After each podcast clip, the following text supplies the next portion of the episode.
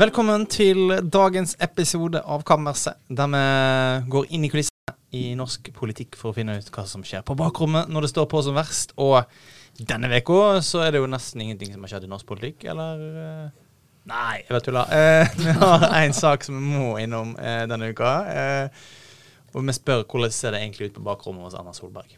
Det er temaet. Og vi har med oss eh, istedenfor Lars Inge Velkommen til deg, debattleder i Vårt Land, Dana Vanono. Tusen takk.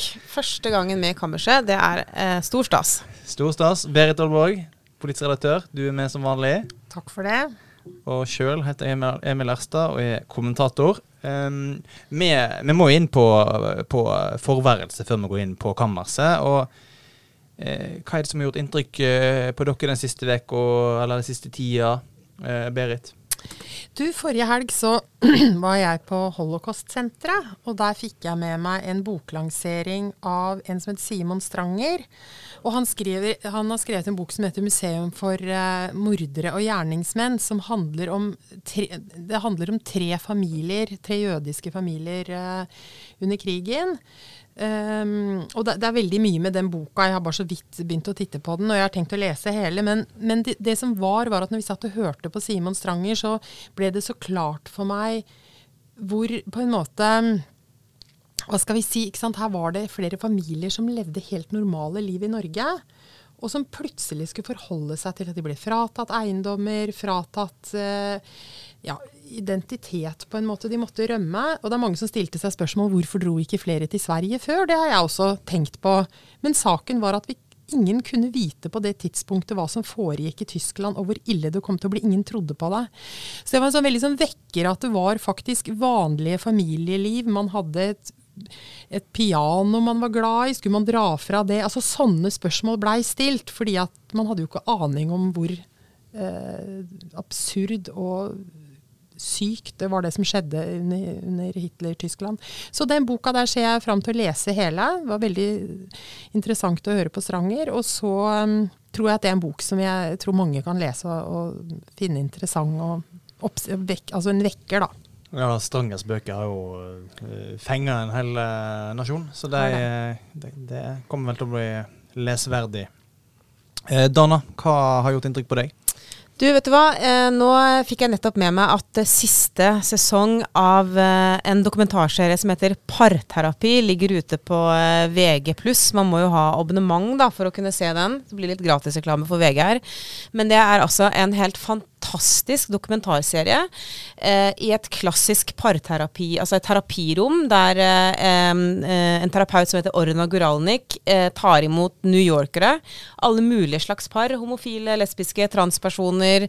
Eh, gamle, unge. Eh, alle, det er et kjempestort mangfold av folk, men som har problemer i forholdene sine. og her er det ikke ikke puseprat, da. Eh, apropos Fredrik eh, Solvang eh, i går. Her går hun rett inn i kjernen av problemene. Og hun borer altså så langt inn i psyken på folk at, eh, at det er den, som en, nærmest som en thriller å se på. Um, og det har allerede blitt laga noen sesonger, som sagt, men nå er den siste kommet, og den gleder jeg meg skikkelig til å se.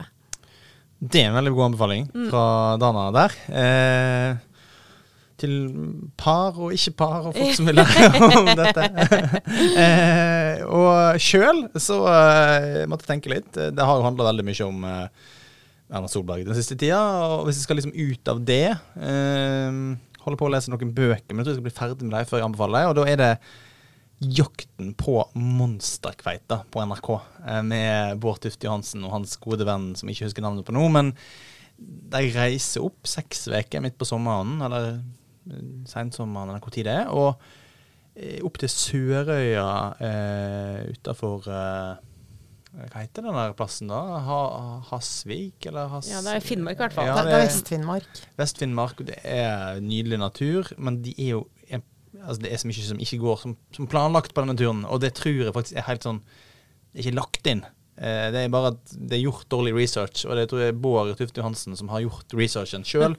eh, og det er bl.a. ikke mobildekning, og det er spøk i dette huset. Og, Det er interessant at du sier det, for jeg har hørt folk som har sett det, jeg har ikke sett selv, Mm. som har sagt at dette må være lagt inn og planlagt, at det skulle Ja, bli så crazy. Det virker liksom for rart til å legge det inn, og, og, og det virker som at de eh, ja. Nei, og så er det jo jakten på denne monsterkveita, Mm. Nei, det er Jeg, jeg var sjuk en dag, og jeg, jeg, jeg binga hele eh, serien. Ja, jeg har også hørt den er veldig god. Eh, ja, eh, så han gir seg til andre ting enn Nytt på nytt, eh, Bård Tufte Johansen. Eh, så det kan vi vite. Og så um, er det nå Kan vi jo da bare gå inn på kammerset, og, og da er det jo Hva skjer på bakrommet i Høyre nå, som er et tema, og da er det jo på en måte Erna Solberg-saken, som den heter. Det har òg vært en diskusjon er det Erna Solberg-saken den skal hete, eller skal den hete Sindre Finne-saken? Eller? Solberg-Finne-saken, jeg vet ikke. Det er jo begge to.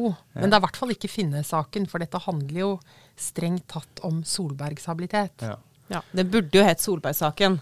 Eh, de- den, den har jo handlet veldig veldig mye om eh, Sindre Finnes, men dette har jo blitt diskutert nå i, i mediene de siste dagene.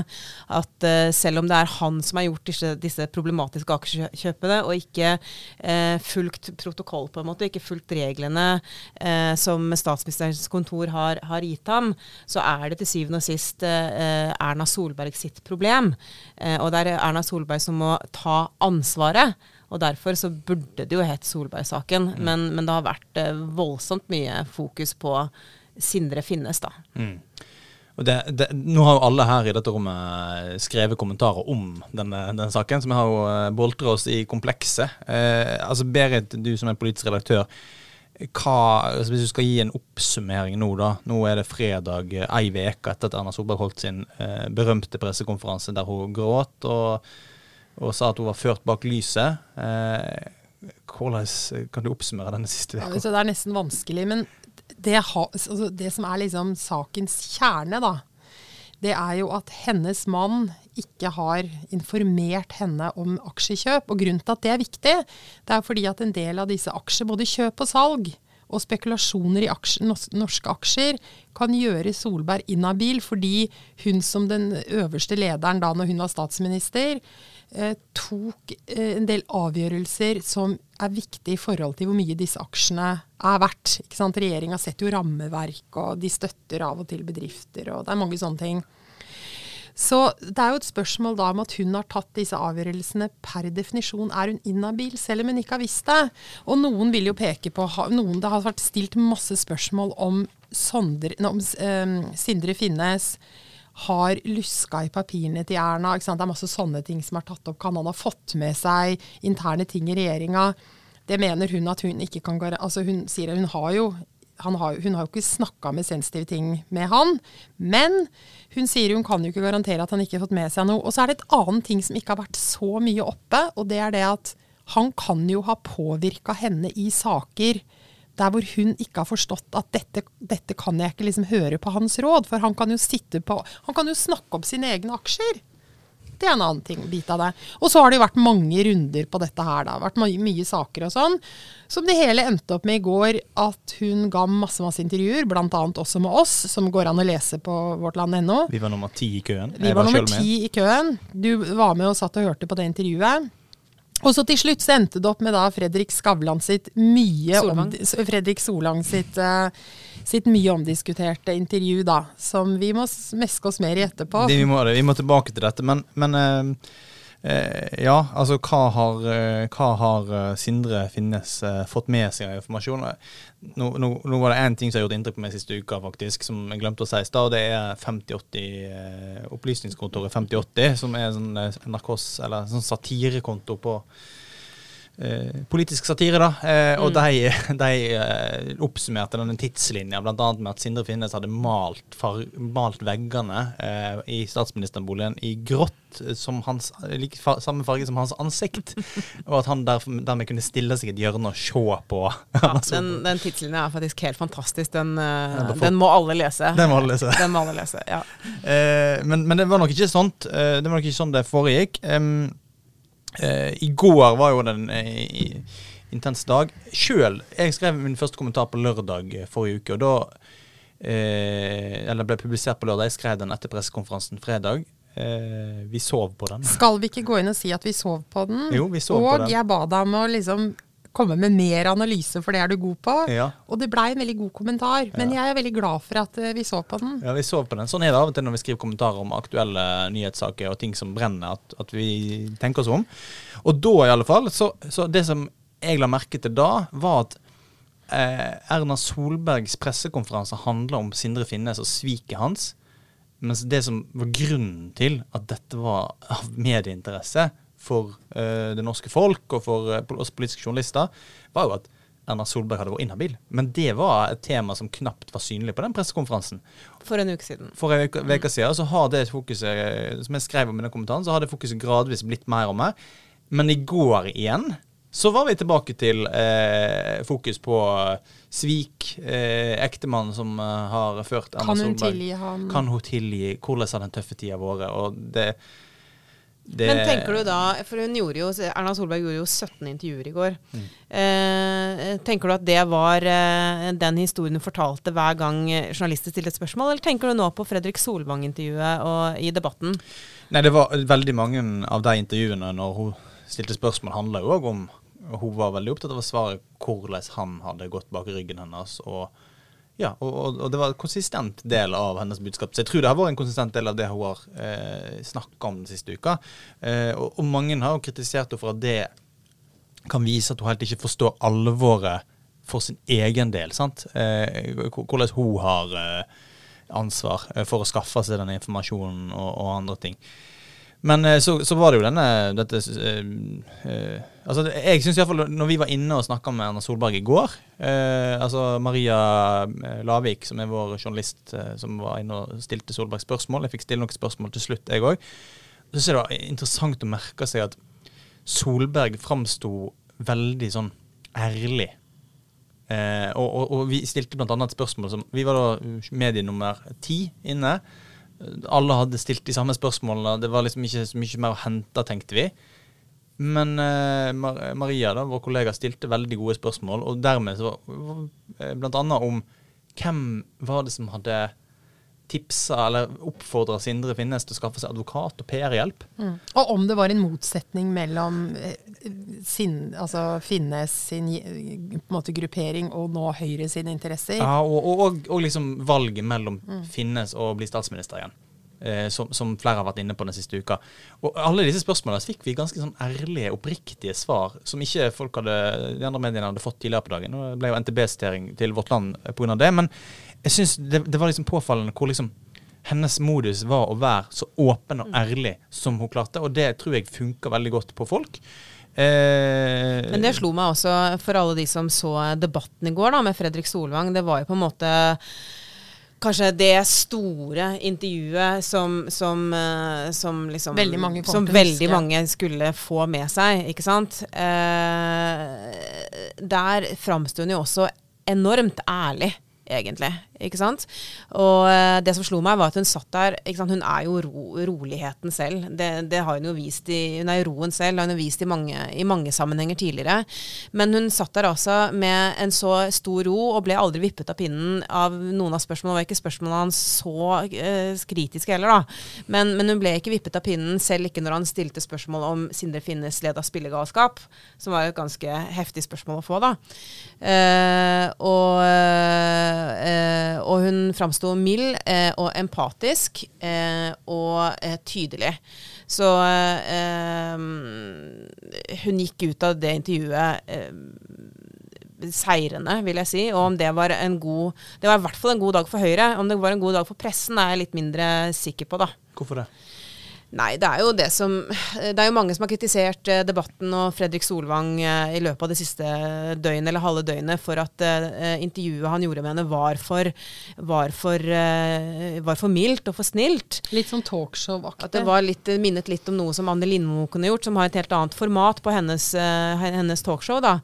Um, og svaret fra debatten og Solvang selv har jo vært at uh, siden de var nummer 17, altså det var de aller siste i media som fikk snakke med henne denne dagen, så ville de ha noen andre spørsmål enn de som har blitt stilt tidligere. ikke sant? Men uh, der tror jeg de bomma litt, fordi uh, det er jo ikke sånn En ting er jo at vi journalister som sitter og, vi sitter og oppdaterer åtte forskjellige medienettsteder gjennom hele arbeidsdagen vår for å få med oss hva Erna sier. Men folk flest jobber jo ikke med med nyheter. De har andre jobber og holder på med andre ting. Og når de er ferdig på jobben, så henter de i barnehage eller kjører unga på fotballtrening, og så lager de middag, eh, og så skal de legge unger, og så har de husarbeid å gjøre. Eh, så det er ikke sånn at de har fått med seg alt som ble snakket om, eller alle spørsmålene som journalister stilte før Fredrik Solvang hadde sin tid på TV klokka halv ti. Så han burde tatt de akkurat de samme kritiske spørsmålene, de viktigste spørsmålene eh, som handler om Erna Solberg som statsminister og hennes embete. Det er det som er interessant for offentligheten.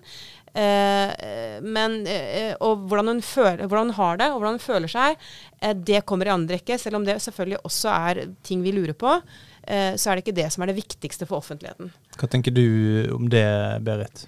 Nei, Jeg syns også at Fredrik Solvang bomma i går. Fordi at det her er altså Veldig mange sitter jo og lurer på mye rundt Solberg. Dette her er en av de mest Det var liksom i beste sendetid på NRK, som tross alt er liksom den største TV-kanalen i Norge. Uh, og jeg tror noen har fått med seg bruddstykker her og der. Men jeg hadde i hvert fall sett fram til å høre henne snakke der. For det var ikke bare det. Altså det var jo 40, det er en 40 minutters sending. Og man ville kunne gå litt sånn ordentlig inn i noen av de spørsmålene som har vært sånn korte pressekonferansespørsmål på. Og jeg syns han burde stille henne spørsmål om hun har tatt det ansvaret skikkelig. Og, hun, og, og liksom kjørt henne litt på det at én ting er på en måte at hun er lei seg, eh, Sindre Finnes er lei seg. Det er, et, det er selvfølgelig et svik mellom de to. Men det store spørsmålet er jo om hun kan sitte eller bli ny statsminister i Norge når hun har vært inhabil gjentatte ganger gjennom disse åtte årene. Mm. Og det, og det syns jeg det burde eh, Fredrik Solvang Det spørsmålet burde han stilt seg. Og så burde han kanskje også sett på andre ting. Fordi eh, det har jo vært sånn at hun har jo hatt en tendens til å mm, F.eks. For i forhold til tidligere, så er det jo også andre som har eh, måttet ta skylda i systemet hennes. Eggseth f.eks. Uh, som hadde Eggseth er, ja, Eggseth er, var hennes statssekretær, og han det her, Peder, Peder Eggseth var hennes statssekretær i forbindelse med det som ofte ble kalt for Moldegate. Det er mange som har glemt den saken, som var for en par år siden midt under eh, covid. Da uh, gikk Molde-ordføreren ut med en kjempehard kritikk av Raymond Johansen og Oslo, fordi at uh, Raymond Johansen mente at Oslo burde ha flere vaksiner fordi vi bor tettere, er flere, det er mye mer smitte i Oslo. Og så gikk Molde-ordføreren ut i en relativt liten by og kritiserte Oslo for det. Og Oslo var jo smitt, en smittepøl på den tida. Og så viste det seg da at I tillegg til å være syndens pøl? Ja, det kan du si.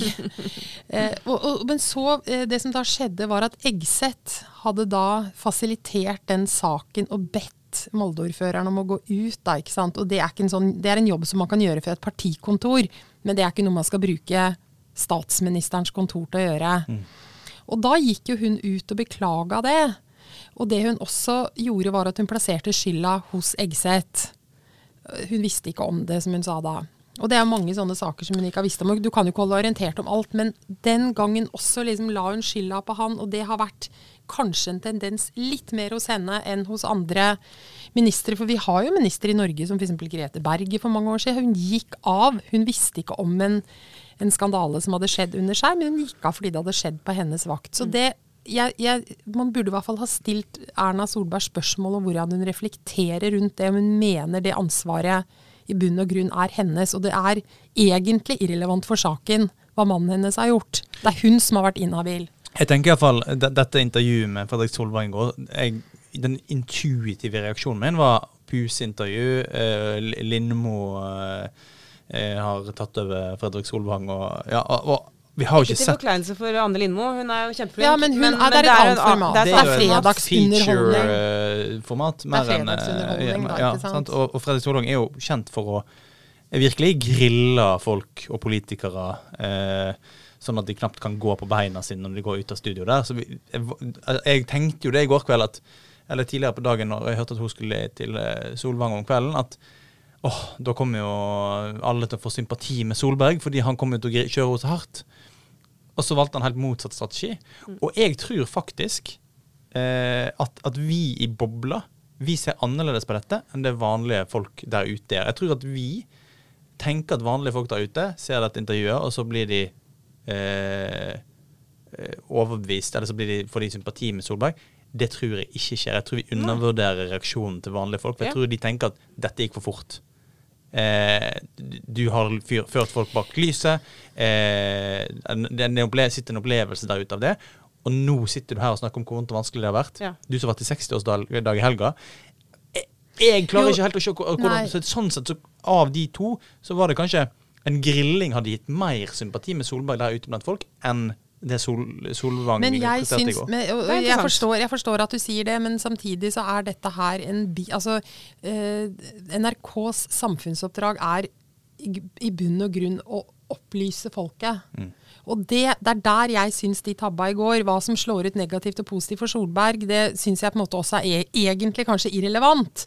Vårt oppdrag som journalister, det er å opplyse folk om hva denne saken handler om. Eh, de politiske konsekvensene og alt det der der. Og da tenker jeg på en måte at ja, NRK har også koseprogram, men midt i beste nyhetssendetid så er det opplysnings, en opplysningsplikt som jeg mener alle vi journalister skal bidra med på en, en god og nøytral måte, så mye vi kan.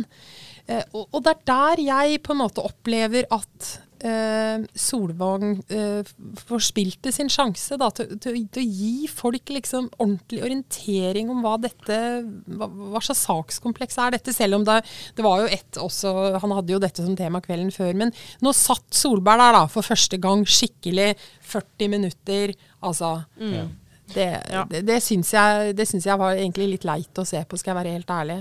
Og så er det jo uh, klart uh, Nå lurer vi på hva som skjer uh, på bakrommet rundt Solberg. Jeg prøvde å finne ut av det i går. Jeg skrev en kommentar Ja, det må du si litt mer om, Emil. for du, du, har jo lyska prata med masse folk, og skrev hvorfor Tror jeg tittelen din var Derfor, derfor nekter, nekter Erna å gå. Si litt, Skal ikke du nå skissere litt sånn kort opp hvilke miljøer nå som er rundt Solberg, altså, det, og hva som skjer? Det de skildrer, det, det jeg har snakka med, er jo at det er et Altså i en sånn krise krisehåndteringssituasjon som nå. Og dette har jo eh, bl.a. Sigbjørn Aanes sagt uh, på Dagsrevyen og i Dagsnytt 18 òg. Som var tidligere, hennes tidligere, hennes tidligere rådgiver. Mm, spinndoktor, med nesten sånn uh, mytisk aura rundt seg. han har jo sagt det at, at, i en krisehåndteringssituasjon så er det, er det de som, er, som har roller og posisjoner som er de som håndterer kriser. Fordi det er de som kan få informasjon. Ergo han er ikke med i krisehåndteringen. Er liksom det han har prøvd å si, tror jeg. da. Så, Hvis vi skal tro den fortellingen, og, og basert på de jeg snakker med, så er det jo òg at eh, Cato Husebø Fossen, som er Erna Solbergs pressesjef, eh, han, eh, og Høyres pressesjef, han eh, er åpenbart med. Men han er kanskje mindre viktig. Eh, enn mange tror. En mindre strategisk eh, spiller enn det eh, mange tror. Det er flere andre presse, presserådgivere inne i Høyre. Du har eh, sånn som Jenny Clemet von Tetzschner, som er datter av eh, både Kristin Clemet og Michael Tetzschner. og og Trude Bakke, f.eks., som uh, tidligere NRK-journalist. Og så har vi en som nesten ingen vet hvem er, som nesten ingen hører om, og som er, liksom, blir beskrevet i Høyre-miljøet som den den virkelige hjernen og den virkelige strategen. Han, en som har oversikt over alt, har en like rolig personlighet som, og et like rolig sinn som Erna Solberg i krisesituasjoner, og det er Lars Øy, som har vært Han har bl.a. vært med å starte Poll of Pols sammen med Johan Gjertsen, og har vært eh, var statssekretær på SMK fra 2013 til 2021, altså hele Erna Solbergs eh, regjeringstid. Og som hun har veldig stor tillit til. Det, det er, Alle Høyre-folk beskriver dette som liksom hjernen, eh, strategen. Og, og, han lytter nok Erna Solberg mye til i disse, i disse dagene. Og, og, og, han har litt samme måte å håndtere informasjon og krise som Erna Solberg, som jeg sa. At, eh, at det er liksom fakta som må ut. Det må være det rette. Det er ikke noe sånn spill og fanteri. Og Det er sånn de beskriver strategien sin sjøl, at, at eh, Erna Solberg sier det som er sant. Og det er liksom, det, Den følelsen kan jeg få når jeg møter Erna Solberg eh, på Høyres hus i går. Mm, mm. At, at ja, men hun sier det som er sant nå. Eh, samtidig som hun sier jo ikke alt som er sant. Altså, hun, hun, bruker jo ord som er smarte å bruke i denne situasjonen. Hun, hun tenker jo strategisk. Eh, så, men, men, det som de blir beskrevet her, at strategien nå er, hvis vi kan kalle det en strategi Det blir beskrevet av, av de som jobber tett på Erna Solberg, eller har jobbet tett på Erna Solberg, som et handlemønster mer enn en strategi. At, at hun bare eh, venter. Eh, hun tar aldri beslutninger når det koker. Og det sier hun jo òg offentlig.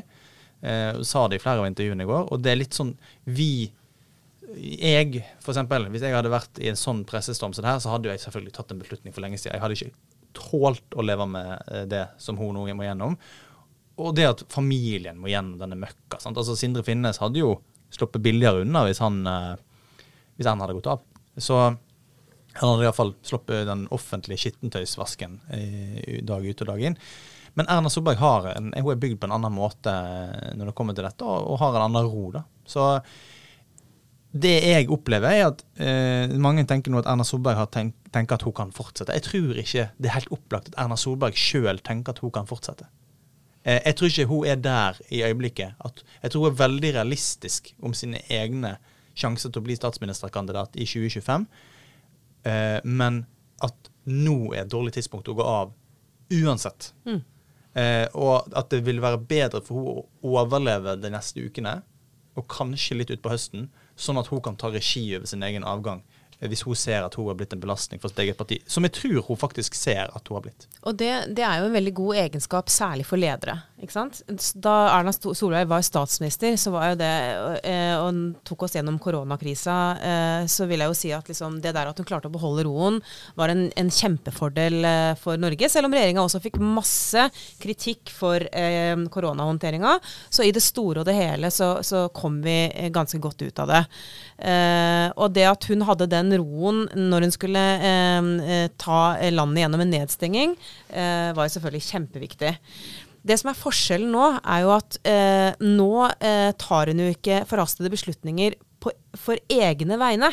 Ikke sant? Det er sånn at hun skal kunne vurdere om hun faktisk har muligheten til eh, å kunne eh, være Høyres statsministerkandidat om fire uker eller fire måneder også. Det er derfor hun ikke tar noen forhastede beslutninger. Så ikke, hun, ikke, hun, har ikke den roen på vegne av oss, eh, av folket. Hun har den roen på vegne av seg selv. Eh, og det er det som gjør det litt mer frustrerende denne gangen, fordi eh, det er stadig flere som roper eh, Erna, hva, hva, mener du at dette her er å ta ansvar, egentlig?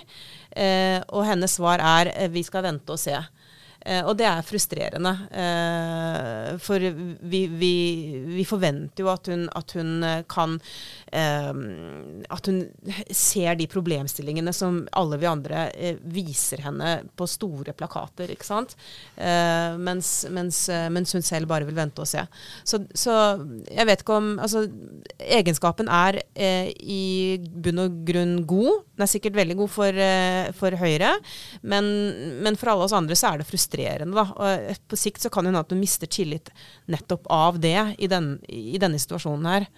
Jeg tror, tror, du har rett i det, at dette kan bli en akilleshæl for Erna Solberg i håndteringen nå. At uh, hun framstår for rolig, for iskald, eh, og at det dermed kan oppleves litt kalkulerende, når det egentlig kanskje bare er hennes personlighet.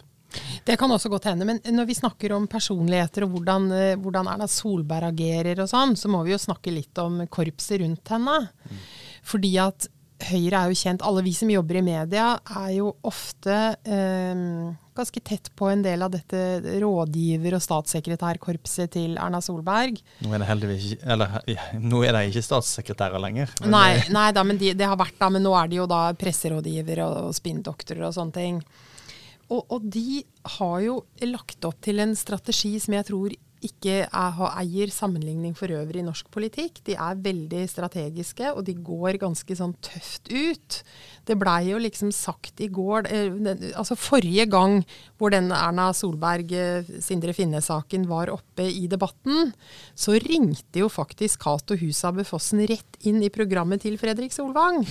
Ikke sant? Det er veldig særegent. Og de har mye kontakter, og de bruker det på å påvirke Ja, liksom, vi så jo det òg på sosiale medier i helga, hvordan de gikk målretta på Ja. folk som var kritiske. øh, Ja, du fikk jo i ditt kommentarfelt. Ja, det er jo en, en, et eksempel på det, men det, det er en ganske omfattende og målretta strategi som, som har vært brukt av, øh, av Høyre sine rådgivere, med støtte fra Og vi må jo også si, du har jo vært, vi har begge vært utsatt for det i ulike sammenhenger, men du var jo bl.a. utsatt for det når du, skulle, det når du skulle være på valgkvelden i NRK. Ja, to år siden så skulle jeg være en sånn ekspert. Eh, kommentator. kommentator, Ja. politisk kommentator. Mm. Og da, da hadde jo Jeg husker ikke, var det Cato eller var det Peder Engseth? Det var Peder Engseth. Peg- Peder Engseth som da var eh, statssekretær hos Erna. Mm. Han hadde rett og slett ringt inn og prøve, prøve, prøve å overtale eh, NRK til å ta av deg, for han likte ikke din kommentatorstil. Kanskje var det Jeg mente jeg var for kritisk. mot Høyre. Og, Så, så ikke sant, det er sånne ting. Og, og de har jo kjørt de, de, de er jo liksom kjent for å sende SMS-er og ringe til journalister og tidvis skjelle oss ut. Som ikke på den samme måten blir gjort fra andre. Så det er jo interessant, for de har jo at de har jo altså, Noen vil si at de er ekstremt dyktige, ekstremt målretta. Og så er det noen ganger at sånne strategier kan bite en litt i halen, da. Men før vi snakker om Erna Solbergs framtid, eh, Dana. Du har jo hatt et perspektiv denne uka som eh, har vært eh, vel så interessant som mange andre, nemlig kjønnsperspektivet i, eh, i eh, debatten rundt Erna Solberg og Sindre Finnes sin aksjehandling. Eh, Kan du si litt om det? Ja, eh, det er jo flere ting, men det, det jeg skrev en, eh, en kommentar om som jeg syns var eh, veldig påfallende, det er jo at eh, ikke bare Sindre Finne-saken, men alle aksjeskandalene vi har hatt denne sommeren, eh, de har eh, handlet om eh, menn som har handlet aksjer. Eh, og, Og det, kan vi jo si uansett om det er mannen eller kona som sitter i posisjoner, så har det vært mannen Ola altså- Borten Moe, det var ikke kona til Ola Borten Moe, det var Ola Borten Moe Ja. Ola Borten Moe handlet aksjer og måtte gå av. Eh, mannen til Anniken Huitfeldt handlet eh, aksjer som satte Huitfeldt i en eh, posisjon som uvitende inhabil. Og Sindre Finnes har eh, handlet aksjer og satt eh, Erna i en posisjon som uvitende inhabil. Eh, og poenget mitt er at eh, jeg mener at dette speiler egentlig den virkeligheten vi lever i. Og det er at grunnen til at ikke disse mm, det, de ikke er kvinner som, som det handler om som har handlet aksjer nå, det er for at kvinner handler veldig sjelden i aksjer, sammenlignet med menn. Eh, børsen er et eh, gubbevelde, som jeg skrev i den kommentaren. Eh, og det er, der er tallenes eh, tale helt, helt eh, klinkende klar. Eh, 80% av aksjeverdiene på Oslo Børs de, eh, de eies av menn. Og 70 av, eh, eh, av eh, menn som handler aksjer, nei, av de som handler aksjer, er menn. Eh, og eh, 80 de av selskapene selskapene, aksjeselskapene som opprettes, er menn. Og i de selskapene er nesten alle styremedlemmene også menn. Eh, og det er menn som investerer i menn. Så eh, det er et sånt Børsen er jo blitt et sånn derre mannevakuum, mens alle andre sektorer liksom blir stadig mer likestilt. Siste gubbeskanse. Ja, uh, Gubbeveldets siste skanse, som jeg, som, jeg, som jeg skrev.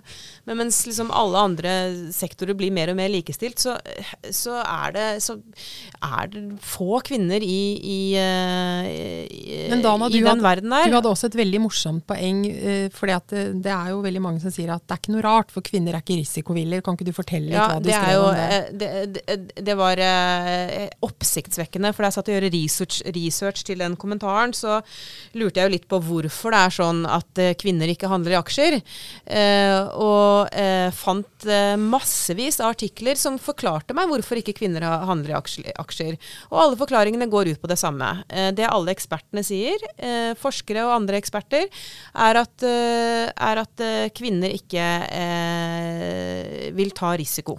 Kvinner er, er mer redd for risiko enn det menn er, eh, og det viser seg i finansverdenen at kvinner er mindre villige til å ta risiko i forhold til penger f.eks. enn det menn er. Eh, som jeg syns er et utrolig tullete eh, og reduksjonistisk eh, argument.